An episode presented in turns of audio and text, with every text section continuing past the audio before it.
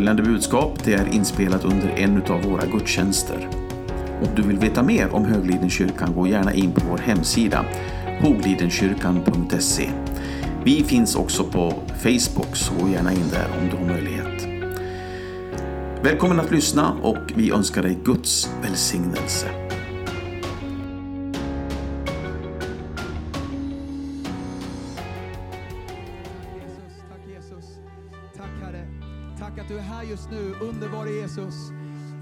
Tackar dig för den här kvällen. Vi tackar dig Gud att det här är inte bara... Eh, eh, kan jag höja min mick lite grann?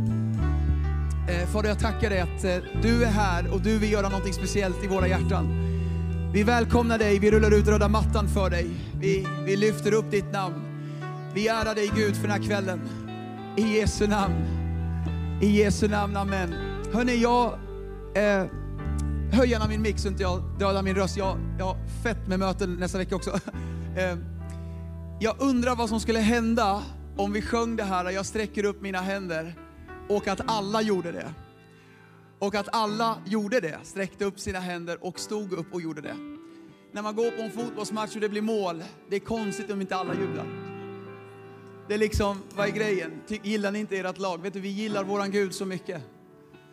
Och eh, faktum är att det händer någonting med oss när vi uttrycker våra känslor för våran Gud. Det berör honom, det berör dig. Eh, jag träffade ett par som hade liksom otroliga problem i sitt äktenskap och så, så ehm, det var så mycket kiv och bråk och, och jag, jag liksom, det tog mig jättemycket ansträngning att ens få dem att samtala i samma rum. Alltså. Och vi sitter där i deras vardagsrum, deras barn har precis somnat och så liksom pratar vi och, och, och, och allt är så pisseländigt liksom och det finns inget kvar där. Och, och då bara, hej kan vi bara sluta kasta, ka- sluta gnälla? Kan vi bara sluta med det här? Det, det, är bara, det är hemskt jobbigt att höra. Eh, och så ställde jag en fråga till mannen. Jag sa så här, hej broder, kan du berätta för mig och henne nu vad det var som gjorde att du föll för henne? Kan du bara backa bandet när du, när du, när du så jagade henne när hon var 17 år? Kan du, kan du bara backa? Och det, vet, det var så svårt och jag fick prata på. Jag, jag, jag, jag utmanar dig, om det här ska ens gå att rädda. Jag utmanar dig att gå tillbaka till din första kärlek. För det är det Gud säger vi ska göra med honom. Och gör dina första gärningar igen. Hur då? Gå tillbaka dit i dina tankar, i ditt medvetande. Vad gjorde du som gjorde att du var så förälskad i den helige Ande? Så här. Ehm, och du vet, det tog emot så började han traggla fram orden och när han började berätta så kom det fram och då säger han, ja det var ju faktiskt, eh, det var balsamet i ditt hår. Jag bara, oj, det var doften av hennes balsam. Då bara, hon bara hajade till liksom. Va? Det har du aldrig sagt. Ja men det var när du gick förbi och jag kände, vad var det för, L'Oreal tror jag. Och så, så började han liksom, vad sa du att det var för balsam säger hon då. Sen sa jag till henne, nu är det din tur. Nu ska du säga vad du föll för. För det här låter ju inget bra. Vad var det du föll för? Och så började hon berätta. Ja, det var att du uppmärksammade mig. Det var att du, du tittade på mig på det där sättet. Och då sa jag, jag föreslår att ni gör det där igen. Att ni går på dejt igen. Kolla vad som händer. De är lyckligt gifta idag. Det händer någonting med oss när vi uttrycker våra känslor för vår partner. Det händer något med din kärlek till Jesus Kristus när du uttrycker för honom vad du känner för honom. Hans kärlek är oföränderlig. Han kommer alltid älska dig. Det kommer inte svalna även fast du inte pratat med honom i tio år. Han kommer aldrig ändra sin uppfattning om dig. Han har bestämt sig att älska dig. Men det händer något med dig. Det händer något med mig när vi inte tittar passivt i lovsånger utan faktiskt engagerar oss och offrar lovets offer. När vi inte sitter med armarna i kors och väntar på att du får väl komma till mig Gud om du vill mig något. Utan jag går fram och säger Gud, jag har något att säga dig, jag saknar dig. När man säger det här, jag sträcker upp mina händer, det kan vara en deklaration för dig ikväll. Jag ska tillbaka Herre till hjärtats lovsång, amen. Får jag utmana dig? För jag utmanar hela rummet? Och jag undrar vad som kommer hända i atmosfären ikväll om alla, samtliga, om inte du är kristen eller så här, om du är gäst idag, Kan du snälla testa att vara kristen ikväll? Testa och sjung med. Ja, jag sjunger så det suger alltså. Jag, det låter kass när jag sjunger. Jag löser det åt dig. Vi höjer volymen nu bror. Gör så här bara med armarna, så här. Så blir det högre volym här, så behöver du inte vara orolig. Men det finns en kraft i att själv öppna sin mun. Snälla sitt inte passivt. Ett, pro, ett äktenskap får problem om aldrig kärlek uttrycks, om det aldrig visas. Du får problem i din relation med Jesus, inte från hans sida, men du får det. Om du aldrig någon gång offrar lovets offer. Lovsång är en motorväg till hans hjärta. Guds högsta begär, det är inte att bli tillbedd. Guds högsta begär, det är att älskas av dig och älska dig. Och må- lovsång är vägen för att göra det. Amen. Amen. Jag sträcker upp mina händer mot dig. Låt sången växa. Låt sången växa. Lyft din hand och stå upp gärna. Stå upp och uttryck dina känslor för Jesus. Gå tillbaka till den första kärleken. Halleluja, tack Jesus. För det ger oss, amen. Sträcker upp våra händer mot dig, mot din himmel. För det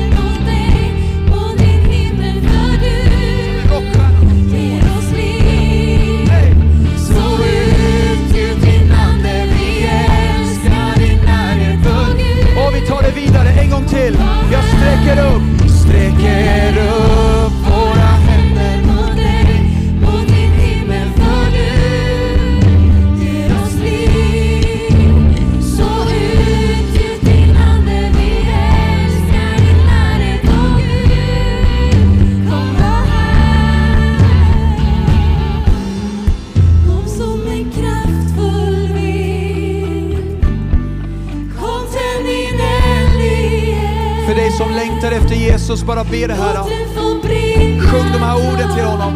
Låt Det ske, låt, låt det ske ikväll Herre. Det är dags för ett nytt möte med Jesus. Kom som en vind.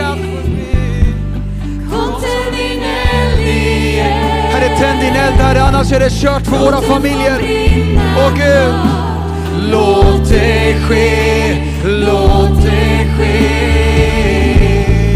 Kom som en kraftfull vind. Kom Jesus. Kom tänd din eld igen Låt den få brinna klart Låt det ske, låt det tack Jesus.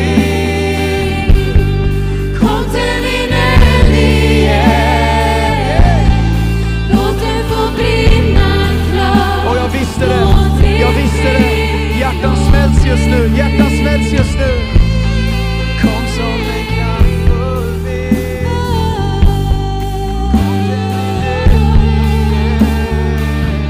Bara säg några saker till Jesus, bara uttryck ditt hjärta för honom. Bara säg några saker till honom, säg att du älskar honom. Säg att du saknar honom. Bara bli personlig i, i, i några sekunder. Oh God. Bara be dina egna ord. Om inte du vet vad du ska be, bara sjung i anden. Oh God. Jag sträcker upp, jag sträcker upp, jag sträcker upp. Hej! Jag sträcker upp några händer. Come on! Tryck, tryck, tryck. Hej!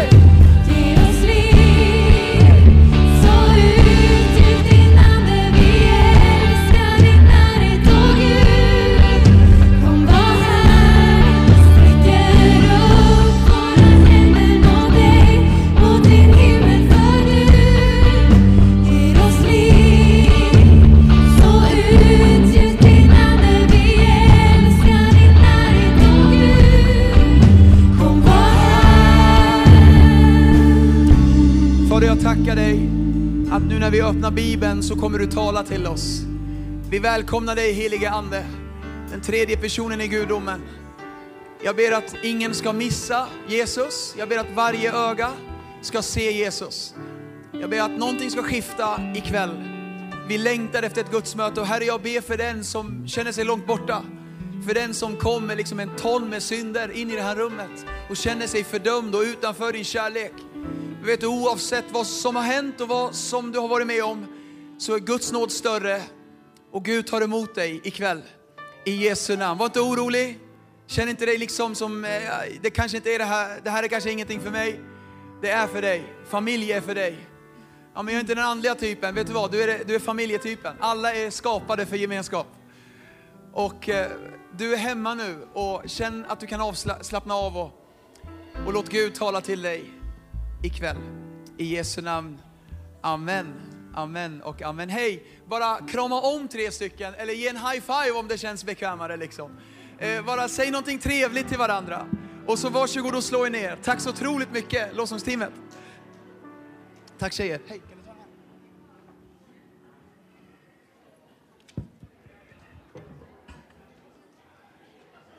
Så ljuvligt. Tack bror. Fantastisk lovsång. Bror, hur hur gammal är du? Hej! Trummisen är 14 bast och spelar som en kung. Kom igen. Ja. Nästa generation. Fantastiskt. Hur gammal är gitarristen? Det var inte jag som frågade. Det var någon som bad mig fråga. Ja, härligt, underbart. En kyrka för alla generationer. Hörrni, det är en förmån och jag är otroligt tacksam. Tack Gert-Ove. Tack pastor Gert-Ove. Tack Evelina. Eh, tack hela teamet. Igår hade vi en fantastisk kväll och jag bara ber till Gud att kanske 20 frälsningsbeslut. Att de alla ska bli bevarade och snälla be. Be för det Gud gjorde igår. Jag vet inte hur många som började tala i tungor och tog emot andens dop. Eh, Gud är god. Eh, Gud har inte glömt Sverige. Det bästa ligger framför oss. Eh, Överallt så händer det grejer och eh, det är så, så häftigt. Jag är väldigt tacksam att vara här. Jag är riksevangelist på pingst alltså. Och, eh, eh den här kyrkoskattsgrejen, det är bara något som ingick i paketet. Daniel Hallman bara, ta det här också. Så här, okay. Så här, eh, han, bara, du, han sa så här faktiskt, du kan ju sälja sand till en Saudiarabien i öknen liksom, så du kan ju sälja det här. du kan sälja is till en Eskimo. Så här, ja, det kan jag faktiskt. Det beror på hur du formulerar det. Så ja, okej. Hörni, eh, eh, just det, mitt mål är ju 24 lappar ikväll. Det fixar vi va? 24 sådana här medgivanden. Då dubblar vi antalet. Kom igen, kom igen Hudik, let's go. Glada Hudik. Vad är det grejer? Är det jag som, är det Gud? Gud? Nej, okej. Rubriken ikväll. Vem är den helige Ande? Vem är den helige Ande? Här kommer tre bibelord. Johannes 14, 16. Jesus säger, och jag ska be Fadern och han ska ge er en annan hjälpare som alltid ska vara hos er. Sanningens ande som världen inte kan ta emot. Ty världen ser honom inte och känner honom inte. Ni känner honom eftersom han förblir hos er och ska vara i er. Detta har jag talat medan jag är kvar hos er. I er och hos er. Vers 26, samma kapitel. Men hjälparen, den heliga ande, som Fadern ska sända i mitt namn, han ska lära er allt. Hur många saker ska den heliga ande lära oss? Allt. Och påminna er om allt. Hur många saker ska den heliga ande påminna oss om? Ah, vilken retorik, men okej. Allt jag har sagt er. Kapitel 15, vers 26. När hjälparen kommer som jag ska sända från Fadern, sanningens ande som utgår från Fadern, då ska han vittna om mig. Det jag fascineras över all text här, det är så mycket treenighet. Hjälpare, jag, Jesus, Fadern. Sanningens ande som utgår från Fadern, han ska berätta om mig, Jesus. Treenigheten. Johannes, igen då, 16.7. Jag säger er sanningen, det är bäst för er att jag går. Ty om jag inte går, då kommer inte hjälparen till er. Men när jag går, då ska jag sända honom till er. Vers 8 tycker jag är otroligt intressant, vers 9 och resten där. Och när han kommer ska han överbevisa världen om synd, rättfärdighet, dom. Om synd, ty de tror inte på mig. Om rättfärdighet, ty jag går till Fadern och ni ser mig inte längre. Om dom, Ty den här världens första är dömd. Jag har ännu mycket att säga er, men ni kan inte bära det nu. Men när han kommer, sanningens ande, då ska han föra er in i hela sanningen. Amen alltså. Ty han ska inte tala av sig själv, utan det han hör ska han tala. Och han ska förkunna för er vad som kommer att ske. Vem är den helige Ande? Tre punkter. Faktum är att jag håller på och skriver en bok om det här. Så nu får ni liksom lite så här förhandsmaterial. Ehm, men det var det att eh, jag kände när jag inledde det här året som riksevangelist för pingströrelsen, en enorm förmån och otroligt tacksam. Eh, Jag har räknat ut att det har varit, det blir i år totalt, eh, alltså, jag vet inte om jag räknar rätt, men jag tror det, eh, 139 gudstjänster i år har det blivit. Eh, kommer bli, eh, om jag eh, räknat ut också det som kommer nu innan årsskiftet här. Och det med det sagt, ju varmare jag blir i kläderna desto bättre blir det. Liksom. Så, inget sådär. Och, och min fru hejar, min största supporter. Och allt är väl. Liksom. Men vad jag vill säga det är att när jag inledde året då böjde jag mina knän inför Gud och sa Gud, vad vill du göra i år? Vad vill du ska vara liksom, ordet? Jag, kan, jag måste gå på ett ord. Då sa han, jag vill att ett fönster ska öppnas för den helige Ande. Och så varje gudstjänst jag har eh, fått förmånen att, predika på har jag först böjt mina knän. Jag gjorde det tidigare idag. Sa Gud, låt ett fönster öppnas för den helige Ande. Det är min bön ikväll. Att ett fönster ska öppnas för den helige Ande. För att vi ska vara mer mottagliga för Anden så behöver vi först veta vem han är. Vem är Anden? Tre punkter utifrån det jag läste. Nummer ett, han är vår hjälpare. Det grekiska ordet för hjälpare i, alltså Bibeln skrevs på grekiska då. Eh, det grekiska ordet för hjälpare här är parakletos. Ni kan få det, oh vad coolt, ni har ju det där, jag vill inte vända mig om. Parakletos. Parakletos betyder kallad till en sida, till din sida. Det betyder också försvarsadvokat. Han försvarar oss mot djävulen som anklagar oss. Det betyder tröstare och det betyder framförallt hjälpare. För att hjälpare är det som bäst beskriver honom. Han är den som hjälper dig varje dag. Han är den som hjälper mig att vara en bra pappa till mina barn. Han är den som hjälper mig att vara en bra make till min fru Charlotta. Han hjälper mig i livet. Han hjälper mig att vara en bra anställd. Han hjälper mig att vara ärlig. Han hjälper mig att gå på Guds vägar. I Gamla Testamentet fanns det olika föremål som fanns i det här som kallas tabernaklet. Det var typ så här en tältkyrka. Eh, och det var där Gud bodde. Gud bodde bland folket och det var det som ett tabernakel. Och tabernaklet hade så här tre delar. Eh, förgården, det heliga och det allra heligaste. Det allra heligaste, det var där Gud var. Jag läste senast i morse att när någon råkade gå in i det rummet utan tillåtelse och utan att det var rätt person, då dog de av gudsnärvaron. Och ett tillfälle var det en som man band ett rep runt hans mage. För man vågade inte. Släppte in honom. Killen dog. Och de drog ut honom för gudsnärvaron var så stark. För Gud var där. En präst kunde göra det en gång per år och det var biskopen, översteprästen, och stänka blod över altaret för att sona folkets skulder en gång per år. Helt otroligt. I det här rummet, i det heliga, då fanns det ett föremål som kallas menoran. Menoran var en sjuarmad ljusstake. Det är det vi har adventsljusstakar. Det är typ en bild av det. Liksom. Sju armar liksom på en ljusstake. Den här menoran, uppgiften för menoran var att lysa upp det här tältrummet. Inget annat fick lysa upp rummet än menoran. Det var prästens uppgift att se till att det brinner hela tiden, dag och natt. Om, det fick aldrig släckas. Det, det, han måste se till, och, och, det måste finnas olja i behållarna så att lampan kan brinna. Alla, alla lampor kan brinna. För att det är bara det som ger ljus, som gör att man kan se någonting i det rummet. Menoran är en bild på den helige Ande. Menoran är det en, menoran, anden är det enda som kan lysa upp Guds närvaron för dig. Om någon kom in med en annan eld, då släcktes elden övernaturligt.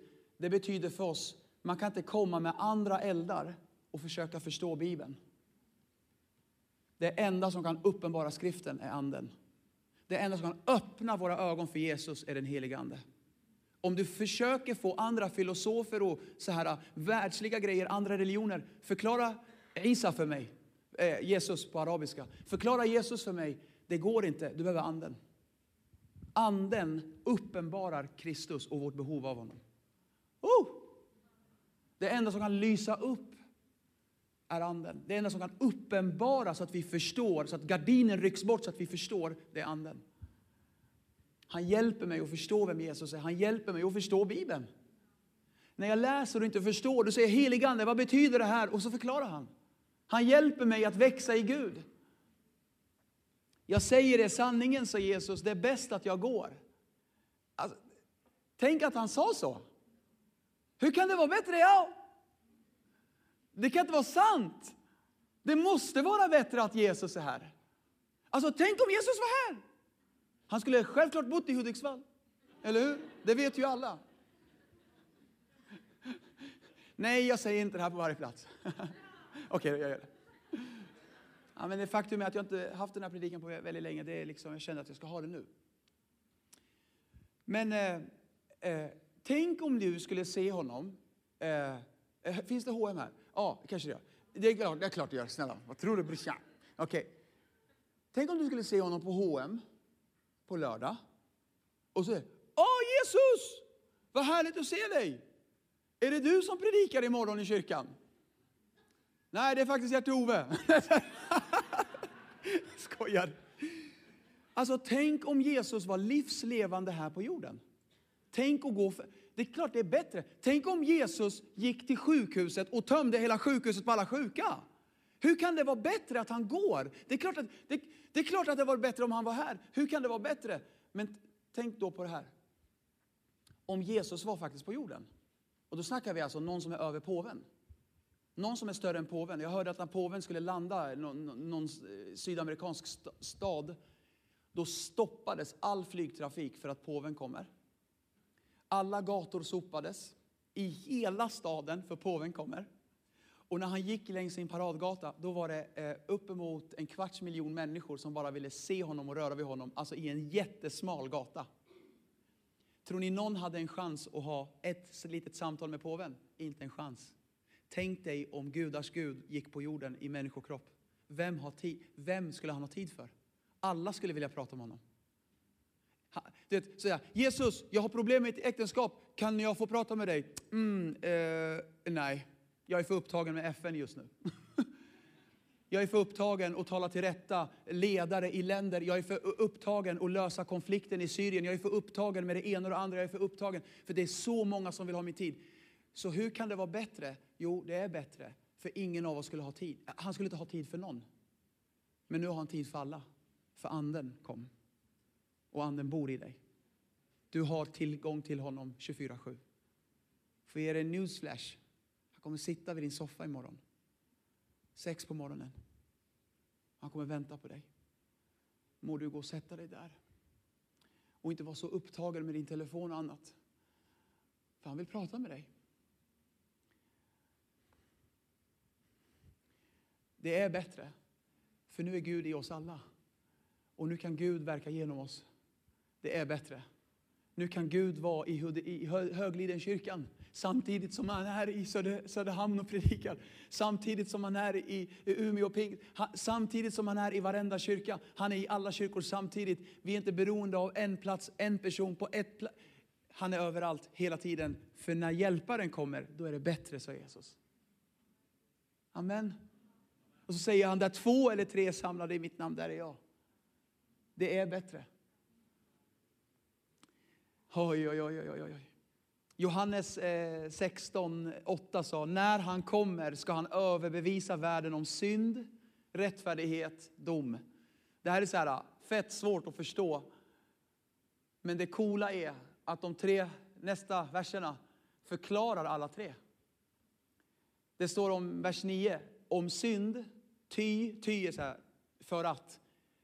Om synd, ty, de tror inte på mig. Den första saken anden hjälper oss att göra, det är att överbevisa oss om synd. Alltså, när jag läste det här första gången, då, då trodde jag det betydde att anden säger till mig, usch vad du är dålig, du har syndat. Det var det jag trodde i min liksom religiösa uppväxt. Och jag blamear inte ortodoxa kyrkan för det, men det var min uppfattning av det. Vi är väldigt duktiga på att anklaga oss själva, eller hur? Eh, ingen behöver anklaga oss, vi anklagar oss själva. Vi sköter det jobbet ganska bra själva. typ. Så här. Nej, men du förstår va? Vi, vi, eh, vi, vi, vi lever mycket anklagelser, vi, vi lever i en skuldkänsla och så här. Och, eh, och då tänker många då att det kanske är Gud. Men det är aldrig Gud som lägger skuld eller fördömelse eller anklagelser. Gud är den som frikänner.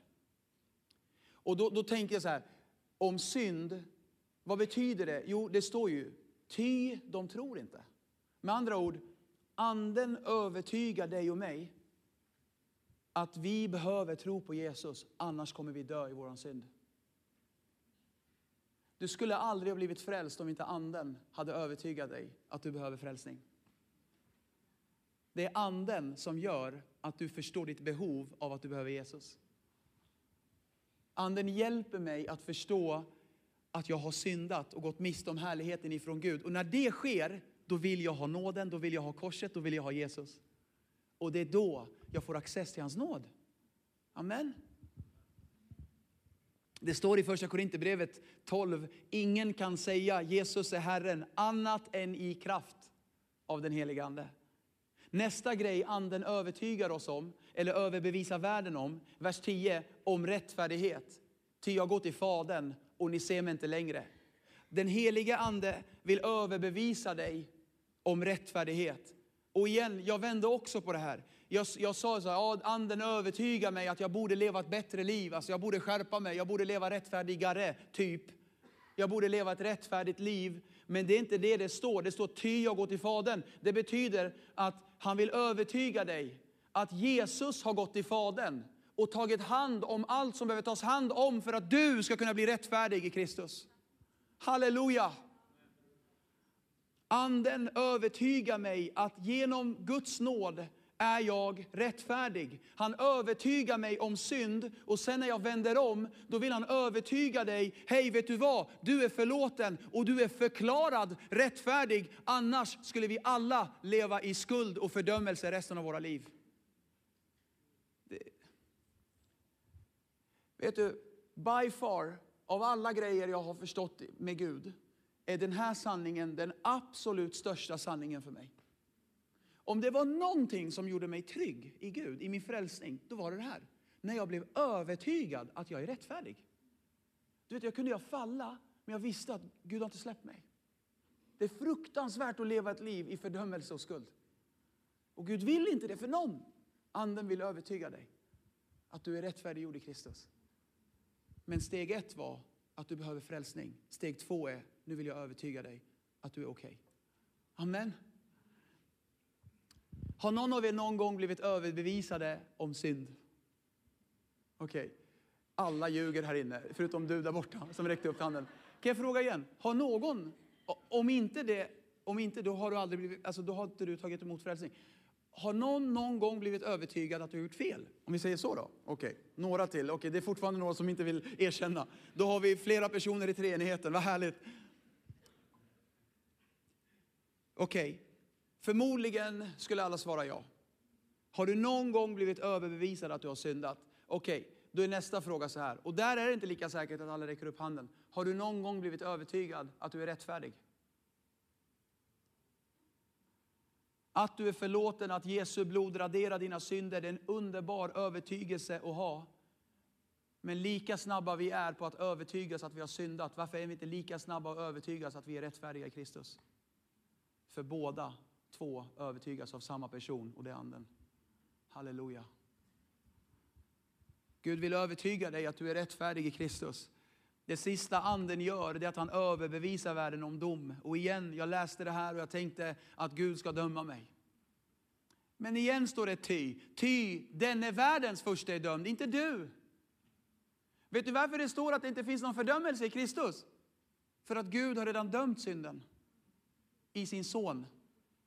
Och Gud kommer inte döma synden två gånger.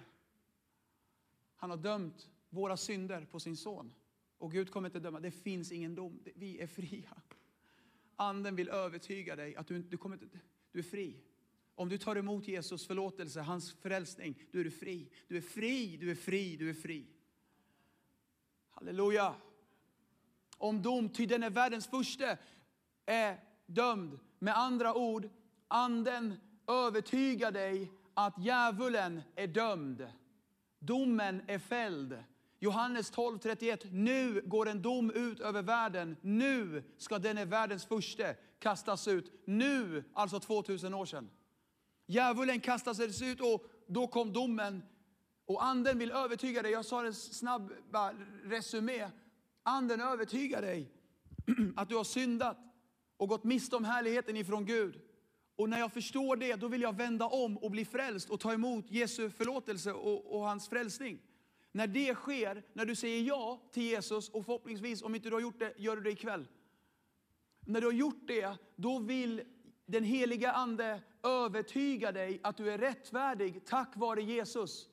Du är i Jesus nu och Gud bedömer dig som sitt eget barn. Du är rättfärdig i honom och när det sker, då vill Gud övertyga dig, anden övertyga dig att djävulen är dömd. Med andra ord, du kommer inte dömas. Alltså, jag kan leva i seger nu för jag är fri. Det här är tre fantastiska övertygelser att ha. Och det är anden som hjälper oss att förstå det här. Halleluja. Du kan leva över och inte under. Han rättar mig när jag gör fel, han överbevisar mig att jag är förlåten och han gör mig trygg i att Satan är besegrad. Och därför behöver inte jag leva som en svans, jag kan leva som ett huvud här i världen. Utan hans hjälp, vi skulle aldrig klara det som kristna. Jag pratar med den helige Ande varje dag. Jag talar i tungor när jag sitter i bilen, när jag diskar, överallt. Ibland när jag pratar med folk så ber jag tyst i tungor i mig. För att jag ber Gud, hjälp mig svara. För jag vet inte vad jag ska säga. Ett tillfälle minns jag att jag sa, Gud snälla hjälp mig. Helige Ande hjälp mig. Hur gör man lärjungar? Då sa han till mig, för det första, du behöver ändra ditt liv.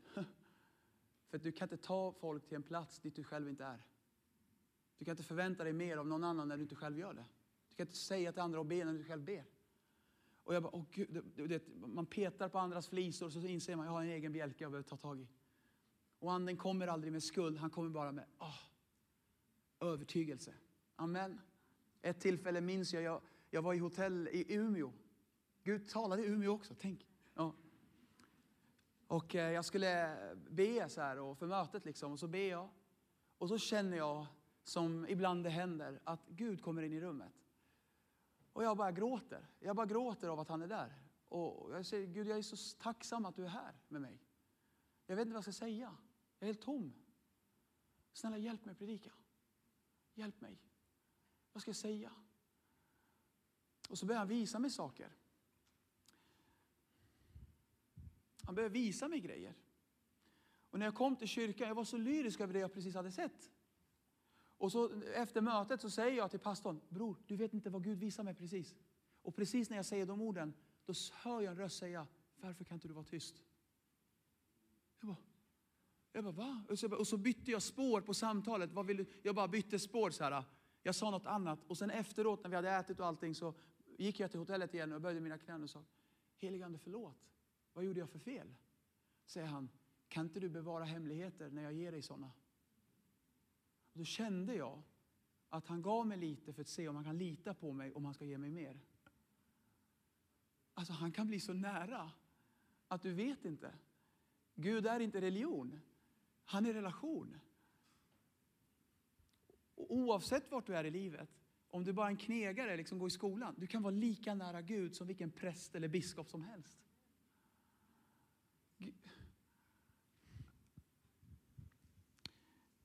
Nummer två, förlåt att jag höll på så länge på första punkten, jag har två till, men de här går lite snabbare. Nummer två, han är min vän. Vem är den helige Ande? Han är min vän och han är inte konstig. Jag stör mig så mycket på det ryktet anden har fått av Satan faktiskt. Han har lyckats göra kristna rädda för den tredje personen i gudomen.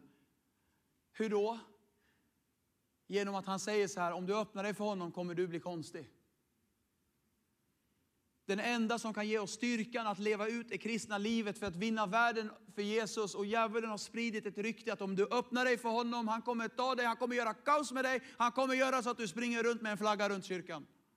Och alla kommer tycka vad konstig du är. Du kommer ropa okontrollerat och din, din mun kommer bara... Liksom. Eh, hej, vet du vad? Låt mig bara säga en sak och befria dig. Han kommer inte göra så. För han är inte konstig. Det är människor som är konstiga. Du får skratta och så här. Det är okej. Det är okej det är okej att visa känslor. Glada Hudik, kom igen. Det är inte anden som är konstig, det är människor ibland som kanske ibland är osäkra, omogna och ibland, jag försöker inte göra narr av någon, men ibland försöker människor dra uppmärksamhet till sig själv och inte Gud. Och enda gången de får uppmärksamhet är när de gör den här grejen. Och då får de det och då liksom, de njuter de. Och, och, och, det, och då behöver man bli hel. Vet du vad, jag vill bara säga, hur vet du om Gud är i rummet när all uppmärksamhet är på Jesus?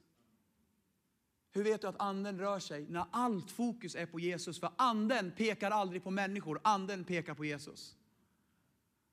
När fokuset bara ännu starkare på vad Jesus gör och på vad, vad Gud gör och på sången och på det som sker, då är det ett kvitto på att anden rör sig i rummet. Men om allt fokus är på en person som liksom, ja, sådär, då... Anden drar aldrig uppmärksamhet till en människa, anden drar uppmärksamheten till Jesus. Ja. Anden är inte konstig på grund av företeelser du har sett, hört, kanske sett på Youtube. Och en del känner att de behöver hålla anden på distans för att begränsa dosen av honom.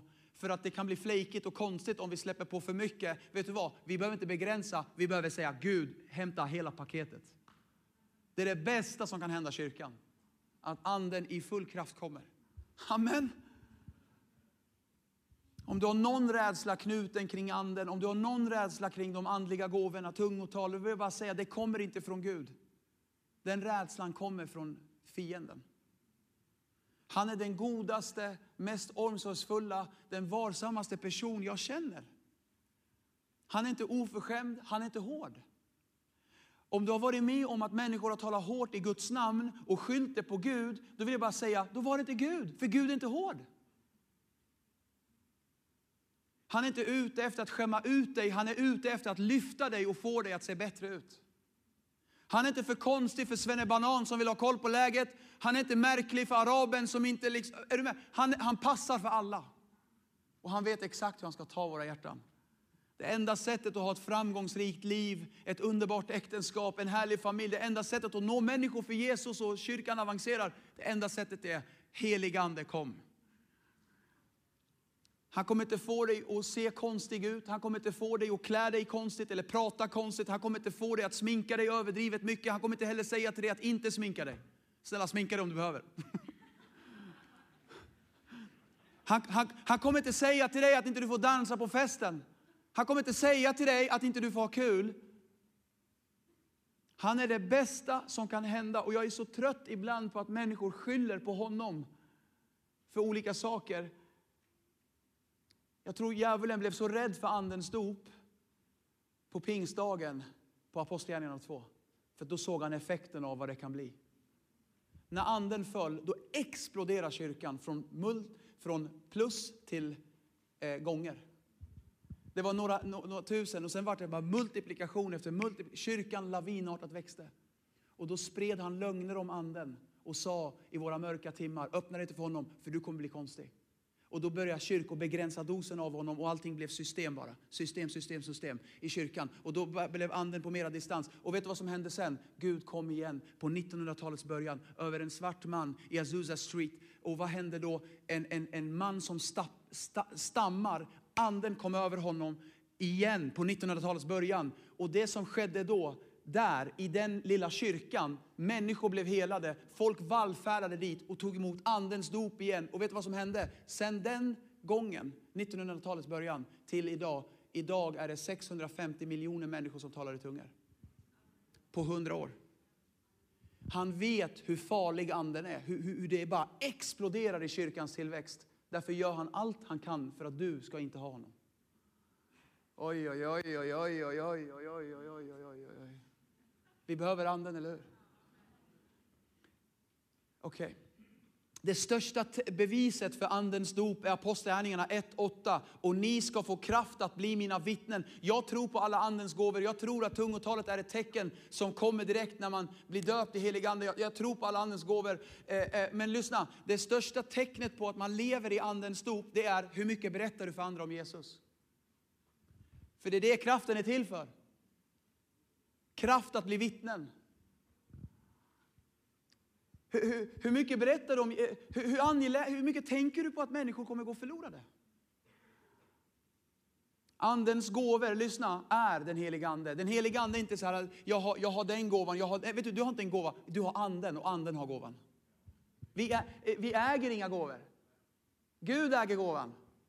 Amen. Och han tar fram dem som behövs för att det ska gynna kyrkan på bäst sätt. Halleluja. Nummer tre och det sista, han är min Gud. Vem är anden? Han är min Gud. Jag tror vi behöver få en...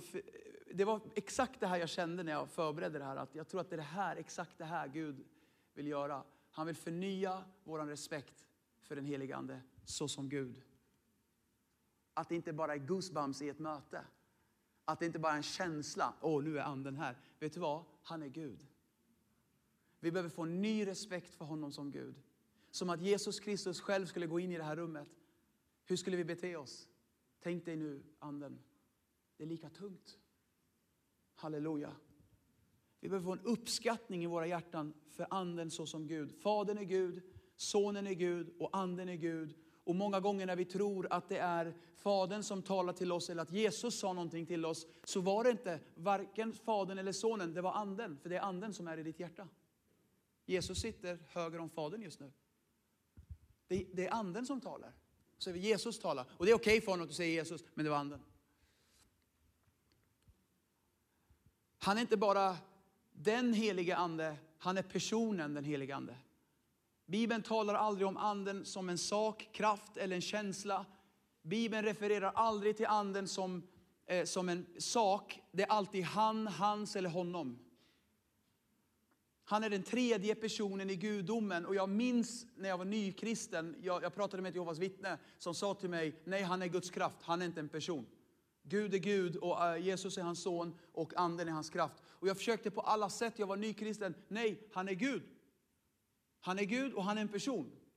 Ja, men hur förklarar, jag, jag kunde inte svara på alla frågor. Och jag, jag var så förvirrad över det här. Och jag, jag gick i skogen och jag läste Bibeln, jag försökte hitta bibelord för att liksom knäcka den här killen. Så här, så här, och jag, jag lyckades inte och, och då sa jag till Gud, jag minns jag sa till Gud, Gud ja om du hade gett honom ett namn, ja det hade varit lättare. Men han heter den heliga ande, vem heter den? Den heliga ande. Vem heter den? Den eller Velina? Liksom. Den, den Gert-Ove. Man säger inte den om en person, en person har ett namn. Alltså, om han hade hetat någonting, då förstår alla att det är en person. Men det är den heliga ande. Och jag föreslog till Gud att han kan heta Alfred. Jag kommer ihåg. Jag sa Gud, om du hade hetat till exempel Alfred, fint namn. För Alfred funkar i, i och katolska kyrkan kan säga Alfred. Och eh, pingstvännerna kan säga Affe. Kanon, funkar överallt. Fadern, sonen, Alfred. Jag döper dig i Faderns, sonen, Alfreds namn. Amen. Alla förstår att det är tre personer. För det är Alfred. Och när jag håller på på det här sättet, ja, jag känner väl att Gud ler mot mig typ. Och så, och så hör jag bara, han har ett namn. Titta igen. Och så tittar, jag hade en engelsk bibel, så tittade jag igen. Så står det, på engelska säger man God the Father. God the Son. God the Holy Spirit. Hans namn är Gud. Jag bara, oj, du har visst tänkt på det. Han, är, han heter Gud. Får jag presentera Gud för dig? Han är här nu. Kan vi stå upp?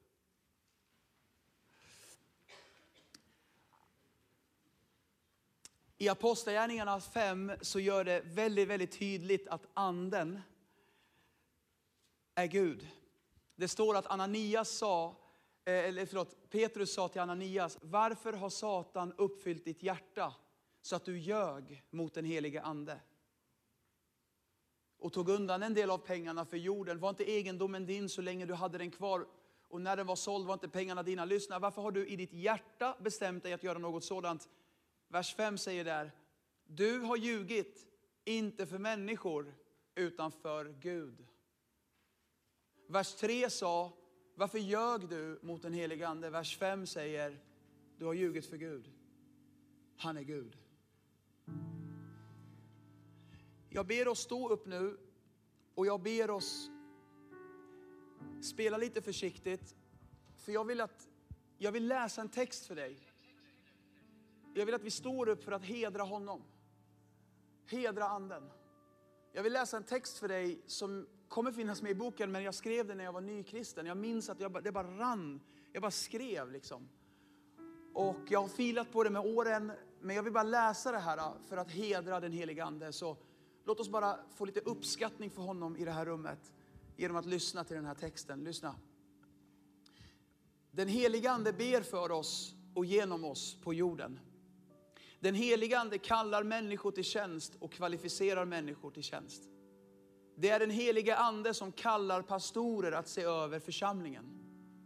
Den helige Ande leder oss och guidar oss in i hela sanningen. Han glorifierar Jesus. Han pekar på Jesus och påminner oss om allting Jesus har sagt. Det var bättre för oss att Jesus gick så att anden kunde komma. Han visar oss på saker som ska komma och han känner djupet i Faderns hjärta. Han söker genom allt och uppenbarar det sedan för oss. Att ljuga för honom, det är att ljuga för Gud. Där han finns, finns frihet. Bibelns alla skribenter skrev ledda av honom. Vi blir vanade i Bibeln att förneka honom, häda honom. För synden mot honom är oförlåtlig. Medan synd mot son och far är förlåtlig. Därför att synd mot honom är att synda mot den ende som kan uppenbara Jesus för oss. Om en person inte blir född på nytt av anden så kan inte den personen komma in i Guds rike. Vi blir överbevisade av honom, ledda av honom, födda på nytt genom honom. Och vi blir fyllda av honom. Amen. Fadern, Sonen och Anden, alla är en. De är tre personer med en Gud. Att de är olika personer betyder också att de har olika personligheter. Låt mig säga en sak om Andens personlighet. Han är den känslige i gudomen. Han får bilden av en duva i Bibeln. En duva är lättskrämd. En duva är känslig. Han blir bedrövad ganska enkelt. Han vill hjälpa dig och göra Guds vilja. Men när vi väljer att inte lyssna till den rösten, då bedrövar du honom och sårar honom. Och det gör ont i honom. Den heliga Ande är personen som står bakom kapten, bakom en stor kryssare. Han håller inte rodret själv utan han ger råd till kapten om en trygg resa. För han kan vattnet mycket bättre än kaptenen. Han säger så här, jag föreslår att du svänger 10 grader babord. Jag, jag, föreslår att efter det där krönet så kör du dit. Eller jag föreslår att du gör det här. För jag kan det här vattnet mer än mig. Lita på mig. Sen är det upp till kapten att bestämma sig om man ska lyssna på rådet eller inte. Och om kaptenen kör på en grynna och inte tar rådet, då är det inte, då är det inte liksom rådgivarens fel. Det är kaptenens fel som inte lyssnade. Den helige Ande kommer inte styra ditt liv. Han kommer stå bakom ditt liv och säga, jag föreslår att du går till kyrkan varje söndag. Jag föreslår att du ringer henne och säger förlåt. Jag föreslår att du släpper den där grejen. Jag föreslår att du fortsätter vara trofast i tiondet. Jag föreslår. Han föreslår det för han kan det här livet mycket bättre än oss. Låt mig avsluta med det här. Första, andra Tim 1.6. Jag påminner dig att låta Guds nådegåva flamma upp igen. Som finns i dig. Genom min handpåläggning. För några år sedan så var jag i ett café och eh, drack te. Eh, eller vi, vi fik, jag fikade med en kompis och vi pratade om troendedopet. Han hade svårt att förstå det här med troendedopet. Och jag försökte liksom förklara för honom varför troendedopet är viktigt och inte barndopet gäller nu, utan eh, du behöver döpa dig på ett eget beslut. Och vi pratade om det och samtalet tog så lång tid så eh, eh, faktum är att mitt te hann kallna liksom. Ja, så vi sitter där och, och precis ska vi gå då, när vi var samtalat klart nästan en timma. Så säger han, hej, ska du dricka ett te? Jag hade inte ens rört det, det var så här glas. Ehm, och så tar jag mitt te och så tar jag en klunk. Eh, Jag ska bara liksom halsa det tänker jag. För det var ju kallt. När jag smak, det smakar så beskt. Och jag, min, jag, jag lägger alltid mycket socker i mitt te. Jag bara, vad är det här? Jag dränkte det med socker. Varför smakar det så här? Och så när jag kollade, jag bara, vad är det här? Och jag lyfte glaset, tittade och eftersom det var glas då kunde man se igenom. Sockret låg som en matta längst ner. Och jag, jag, jag kom på, ah, jag rörde aldrig om. Jag la socker i det, men jag rörde aldrig om. Och då talade Gud till mig. Han sa, vad är det som gör teet sött? Så jag, socker, Herre. Hallå? Så, Nej, det är inte socker.